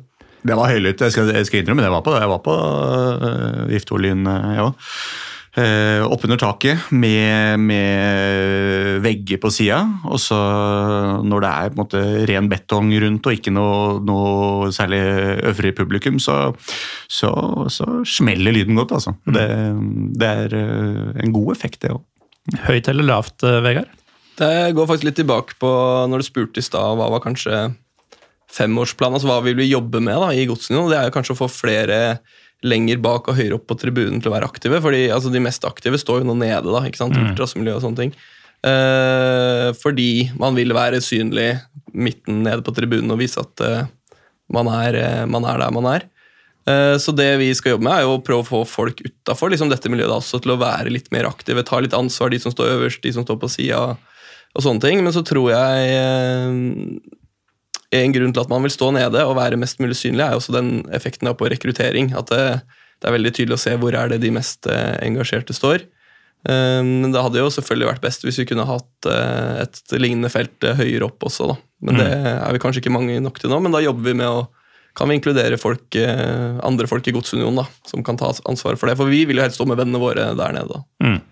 Så ja takk, begge deler, da. Så eh, I en perfekt verden, ja. Det er vel egentlig alle enige om at uh, det beste Det har vært å funka fylle bra i Bergen da når de flytta, flytta seg ned i den eh, hjemmekampen mot uh, Alkmaar.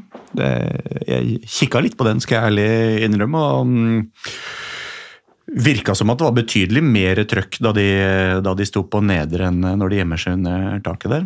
Ja, Bergenserne har også sagt at de to hjemmekampene mot Aroka og Aset har vært antagelig de beste tribuneprestasjonene de har hatt hele sesongen. Um, nå vet jeg ikke hvor de sto mot Aroka, men det høres ut som de i hvert fall Jeg tipper de sto nede der, og den så jeg ikke. Men, men så, så om det er liksom akkurat at du står nedre, eller om det er at du faktisk gjør et fysisk grep for å gjøre en endring, at det kan ha en effekt. Om det er å flytte på seg, eller om det er, om det er mer synlig, det ikke, ikke veit jeg, men da har du i hvert fall gjort et grep. da. Vi har snakka litt om eh, vanskelige arbeidsforhold, og det er jo et eh, vidt begrep eh, på tribunenivå. Og når vi er inne på Bergen, altså Der er det det er vanskelig å ta det neste steget, tror jeg. Med alle de prinsipielle holdningene og meningene som er der. På både om det skal være en forsanger, om det skal være megafon, om det skal være tromme. Det er, sånn, det er så veldig mye som kan være feil, da, i, ifølge mange. Og det jeg syns er interessant i Bergen, er at det er ikke tilsynelatende en så stor generasjonsgreie. Det er folk eh, fra holdt på å si, Nå er jo sikkert de også 30 blitt, da, men sånn eh, yngre folk som kanskje er i og rundt BGG f.eks. Det er folk der som er imot tromme og megafon også. Eh, kjempefascinerende. Og siden vi er inne på det eh, Jeg må jo tenke litt lyttertall og engagement i sosiale medier og sånn, og da har jeg selvfølgelig et innspill fra min gode venn Trym Hogner. Som eh, liker å hisse på seg brann, og det skal vi også gjøre nå. Hva er greia med bergensere? Reiser typ 800 til Kongsvinger i fjerde serierunde Obos, men er bare 100 til 150 i Portugal og Nederland. Før vi tar det, så um, Tallet de har vært i Portugal og Nederland er jo ganske omdiskuterte. Fordi det hevdes at de var rundt 150 i Portugal, og at de var dobbelt så mange i Nederland. Jeg skal innrømme at uh, jeg har prøvd å saumfare bilder og sånn. Det er ingenting jeg har sett som tyder på at de tallene stemmer. Jeg tror heller de var 100 pluss-minus i Portugal og 150, kanskje 170 i Nederland. Basert på bilder, da. Um, men uansett, um, hva, hva, hva tenker vi? Det er, det er jo selvfølgelig ikke lett å, um, å finne masse folk i, i dagens uh, eurotilstander og sånn, som har råd og tid til å reise til Portugal på en ukes varsel. Men man burde Ja. ja, ja. eneste som, som på en måte gjør at jeg greier å forstå det her, er at det, det er en dyptliggende, et dyptliggende behov eh, i Bergen å være annerledes. Og det, Om det gjelder tromme, om det gjelder språk, om det gjelder, eh, det gjelder alt. Vi skal være jævlig mange mot Kongsvinger, som det ble skrevet, og skal være jævlig få eh, i, eh, i Europa. Jeg tror det er bevisst. Ja. Jeg tror det er planlagt. At vi bare, nei, vi, Det er image. Ja, det er image. Vi skal, eh, vi skal være annerledes. Og så er det litt sjarmerende at de holder så hardt på det, at de holder så hardt på at de ikke skal ha tromme, og at de holder så hardt på disse tingene her. Jeg syns det er eh, en viss sjarm med det, altså at de er så sære. Det er noe med det som, eh, som er interessant, altså kult, da, syns jeg. At de holder, holder ved like.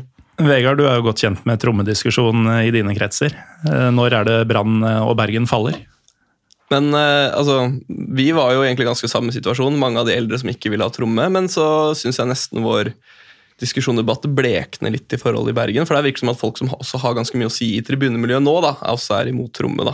Det var det kanskje ikke i vårt tilfelle. Eh, jeg vet jo at den tromma kommer eh, ganske snart, det har jeg sikre kilder på. I Bergen? Ja, eh, Men det hadde jo også vært kult å holdt på det å ikke ha tromme. Og det fins jo utrolig mange bra supporterscener rundt omkring som ikke har tromme. Både, Det går an å lykkes uten. Ja, både i Sverige og i Italia og, sånne ting. Så mm, Nei da. Men det kommer til å gå bra. De begynner med tromme, og så er det glemt etter et par kamper. kamper. Oh, ja, det, det Spennende at du sier. Eh, At det er glemt et par kamper i Bergen, det tror jeg ikke. ass. Der er det, der er de spesielle. Um, Men, i, kult, men, kult, men kult at det er, det er som du sier, for de har hatt en jævlig opptur med det de fikk til i, i Obos, og, Obos, og de, de lever litt på det fortsatt. Nå må det skje noe nytt. Nå må de ta et steg videre. Tromme vil definitivt eh, ta det et steg videre. Om det er i riktig retning eller ikke, det gjenstår å se. ja, altså vi, vi har jo vært enige om at vi ønsker at uh, norsk tribunekultur skal bli, skal bli bedre. Men jeg må innrømme at jeg gruer meg litt til den dagen de får tromme i Bergen. Altså. For da, da blir det vanskelig å overdøve Brann stadion. Jeg syns Bergen har fått for mye ros. jeg, Altså. Jeg syns ikke at de er så gode. Det er, det er ikke så mye ry der. Altså, på hjemmebane er de gode, men på bortebane syns jeg ikke at det er så ekstremt folk skal ha det til. altså. Nei, altså jeg har jo møtt eh, Brann, eh, og det, det føles som bortesupporter to ganger. fordi den ene var på cupfinalen hvor de var 18 000 og vi var fem. Eh, Det var jo helt sjukt å se hvor mye rødt det var på de såkalt nøytrale tribunene. Og både der og i Bergen noen uker seinere, så Jeg ble fascinert over at så mange folk kunne lage så lite lyd. da. Bortsett fra i de periodene hvor de drar på med de par-tre klassikerne som de får med alle på. Så, så er jeg langt på vei enig med deg. Altså, at det der koke, kokende idiot-greiene og sånn, det, de har en annen måte å tenke på der. De er jo, hver gang jeg nevner dette på Twitter, så er de jo sterkt uenige med meg. Ja, ja, for At, eh, fordi eh, det er en annen måte å lage stemning på og sånn. Men det er, eh, det er for lange perioder med lavt lydnivå og, og stillhet, rett og slett. Men nok om det. Dårlig stemning er også stemning. Um, I denne tweeten fra Trym, da, hvor vi skulle rakne litt ned på Brann, så er det også en eh, instruksjon. Og det er at eh, spørsmålet skal gjentas etter at vi har diskutert det, men kan gjerne mm, få henge fritt og ubesvart til, ettergang, eh, til ettertanke på gang nummer to. Så hva er greia med bergensere? Ikke sant? Um, vi nærmer oss slutten på det jeg hadde tenkt å snakke om. i hvert fall. Eh, Vi hadde jo ikke noen agenda, men jeg føler vi har kommet gjennom litt tematiske greier eh, likevel.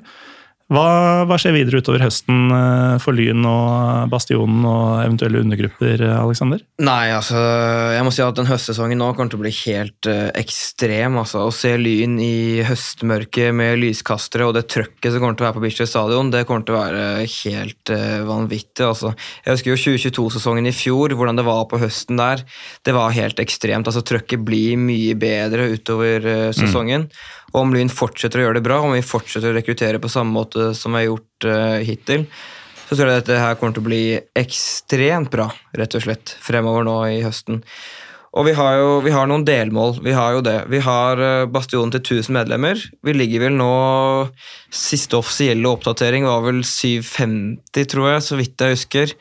Etter har det kommet en sånn mini, et miniforsøk på, på eh, dette sosiale mediet der hvor alle aksje, aksjeoppdateringer kommer. Så jeg tipper vi ligger på en 800 fort nå, altså 850. Eh, men altså, det er det, og så er det å få Bastion Tifo opp og gå igjen. Få, vi har budsjett. Vi har, øh, altså vi har anlegg, vi har en, tra en stolt tradisjon, vi har folk som, som kan dette her. Og jeg håper og tror at det kommer til å bli ganske mye kult på, på Bastion eh, Tifo og på Bislett stadion fremover nå. Det håper jeg og tror det kommer til å bli. Jeg må gå de 100 meterne ned litt Ja, oftere det- og, og kikke litt, merker jeg. Um, hva med deg, Vegard? Altså En høst i ingenmannsland for både dine og mine gutter. Er det, kommer det til å skje noe spesielt? Jeg tror eh, mange er eh, motivert i Drammen for å begynne å jobbe videre og bygge enda sterkere kultur. Og så tror jeg at eh, vi, har, vi har en ganske ung TIFO-gruppe, men som jeg syns har vært veldig flinke. Altså De som holder på der, er så vidt i 20-årsalderen, men de gjør det ganske bra. Jeg syns de har levert veldig bra i år. Jeg så jo litt på Twitter at det er mange som har ganske høye forventninger til godset. Det er litt smigrende, men vi, vi har kanskje ikke alltid levert eh, så bra vi burde. Men jeg tror jo i likhet med resten av Norge at vi også kommer til å få en oppsving på tribunefronten. Det strømmer til med kids hver eneste kamp. Jeg har en kamerat som bor i Sverige, som bare er på kamper av og til. Og han sier jo det at hver gang han kommer tilbake til Drammen og er på kamp, så sier han at ja, men jeg ser jo nye tryner i ultrasmiljøet hver, hver gang, liksom. Eh, hvor kommer alle disse fra? Eh, så noe bra er på gang i Drammen nå, og så tror jeg at vi kan eh, i noen kamper eh, levere Bra TIFO og bra support. Jeg vet ikke om vi har snakket om det ennå, men det har jo vært en sånn debatt i Drammen om hvor vi skal stå på stadion eh, og, sånne ting, og den er på en måte litt over nå, da. Ja. Eh, og da vet jeg også at de som jobber i Godsunionen, eller ikke jobber i Godsunionen, men sitter i styret i Godsunionen, at de har fått en litt ny giv da, til å virkelig jobbe videre med utviklingen. Og så satser vi på kanskje ligge på oppover mot 1500 solgte billetter på vår eh, ståtribune.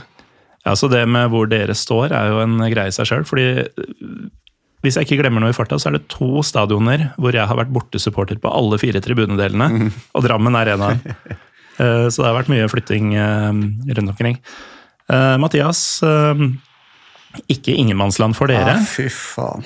Eh, Klarer du som tribunemann å tenke derby i oktober nå, eller er det bare neste kamp, neste kamp, vinne? Nei, vinne? ja, det er, nei, det greier ikke å tenke derby. Det er å, å krangle til oss hvert eneste poeng vi kan. Altså. Det er det det handler om.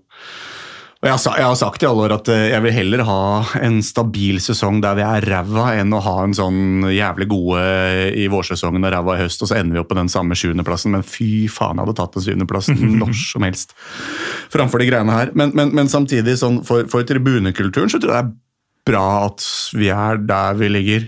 Og jeg tror liksom, Kanskje, da. Jeg kjenner ikke til forholdene i, i Strømsgodset, men, men, men det faktum at de har ligget, eh, ligget nede og måttet kjempe seg opp derfra, det gjør at du får sånn krigersk innstilling på, på tribunen Og Det å liksom være ingensteds, det gjør muligens at man, man blir eh, fanget litt av den sportslige middelmådigheten. Da. Og det, det er jo der vi har eh, strevd eh, lenge. Nå, nå har vi dritt langt opp etter eh, halsen, altså. Um, Men kanskje det er det som gjør at eh, Fordi eh, østblokka ser jo Ja, bedre ut enn den gjorde. ja, at folk har begynt Ja. å føle noe igjen, gjør at eh, Hver kamp betyr noe, og, og det, det, det har jeg savna. Men, men at, vi, at det skal stå så dårlig stilt, det, det, skremmer meg. Tanken på at, at å være i samme divisjon som Lyn det er, det, er, det er helt, helt utenkelig for meg er Lyn konger i sjette. Og det kan de få lov til å være i, i lang lang tid, og, og, og, og, kjempe på, på samme sportslige premisser. Eh, Det, det skremmer meg, altså. Det er noen ganger jeg syns det det skremmer at meg. Jeg elska derby. Uh, uh, Jo, men så gikk jo motstanderen konk og forsvant. Da, da skal man jo ikke møte dem igjen. Nei, og, og hvis vi skal møtes, skal vi møtes en, kje- en veldig sjelden gang i cupen, eh, hvorpå Lyn skal være sportslig overlegne, eh, og vi vinner til slutt. Og, og- og det er en veldig behagelig følelse. Det er liksom sånn jeg har hatt det med alle de oppgjørene i, i Eliteserien. Sånn har jeg lyst til at det skal være. Tanken på å spille Obos-fotball mot Lyn er faen meg skremmende, altså. Og, og det, det, det jeg frykter aller mest i høst, det er å, å, å unngå direkte nedrykk. For så å spille kvalik.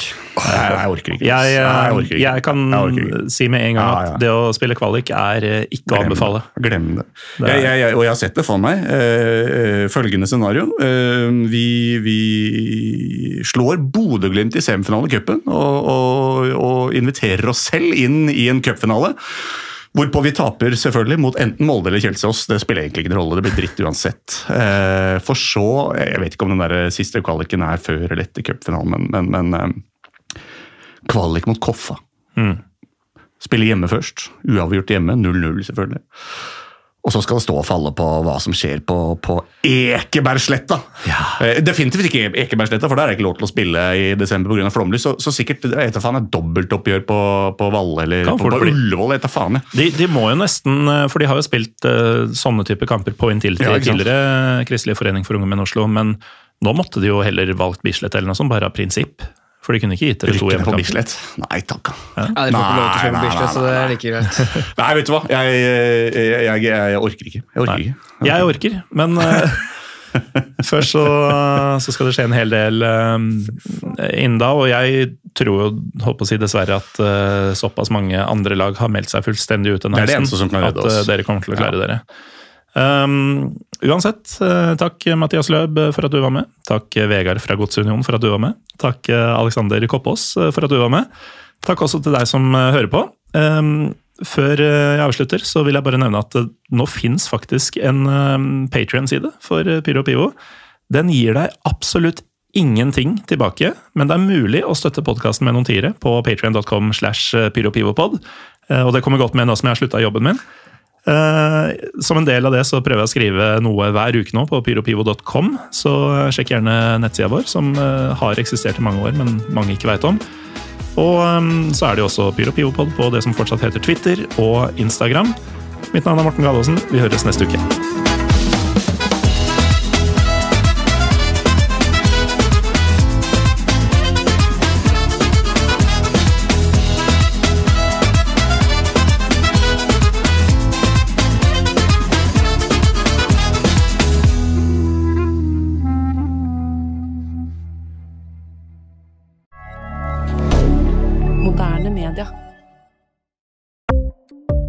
Ukens annonsør er HelloFresh. HelloFresh er verdens ledende matkasseleverandør og kan være redningen i en travel hverdag. Mange av oss har nok vandret i butikken både sultne og uten en plan for middagen, som ender med at vi går for de samme kjedelige rettene gang på gang. Middag burde være dagens høydepunkt. Som HelloFresh kan du nå velge mellom 25 ulike retter hver eneste uke, eller få HelloFresh til å sette sammen menyen for deg. Dette gir deg muligheten til å prøve nye og spennende retter alene eller sammen med familien. Du velger antall porsjoner og får alt levert på døren på et tidspunkt som passer for deg. Oppskriftene er enkle, og maten er lett å lage både for store og for små. Ved å få alt levert hjem får du også mer tid til å dele matgleden med familie og venner. Kanskje det frister med asiatiske tacos eller greskinspirert kylling? Da kan jeg anbefale deg om å gå inn på hellofresh.no. Her kan du bruke koden FOTBALL og få opptil 1779 kroner i rabatt på de første fem matkastene hvis du ikke har prøvd HelloFresh tidligere. Du kan også bruke rabatten hvis du har vært kunde og stoppet abonnementet ditt for tolv måneder siden eller lengre. Gå inn på hellofresh.no og bruk koden FOTBALL. Har du et enkeltpersonforetak eller en liten bedrift? Da er du sikkert lei av å høre meg snakke om hvor enkelt det er med kvitteringer og bilag i fiken, så vi eh, gir oss her, vi. Fordi vi liker enkelt. Fiken superenkelt regnskap.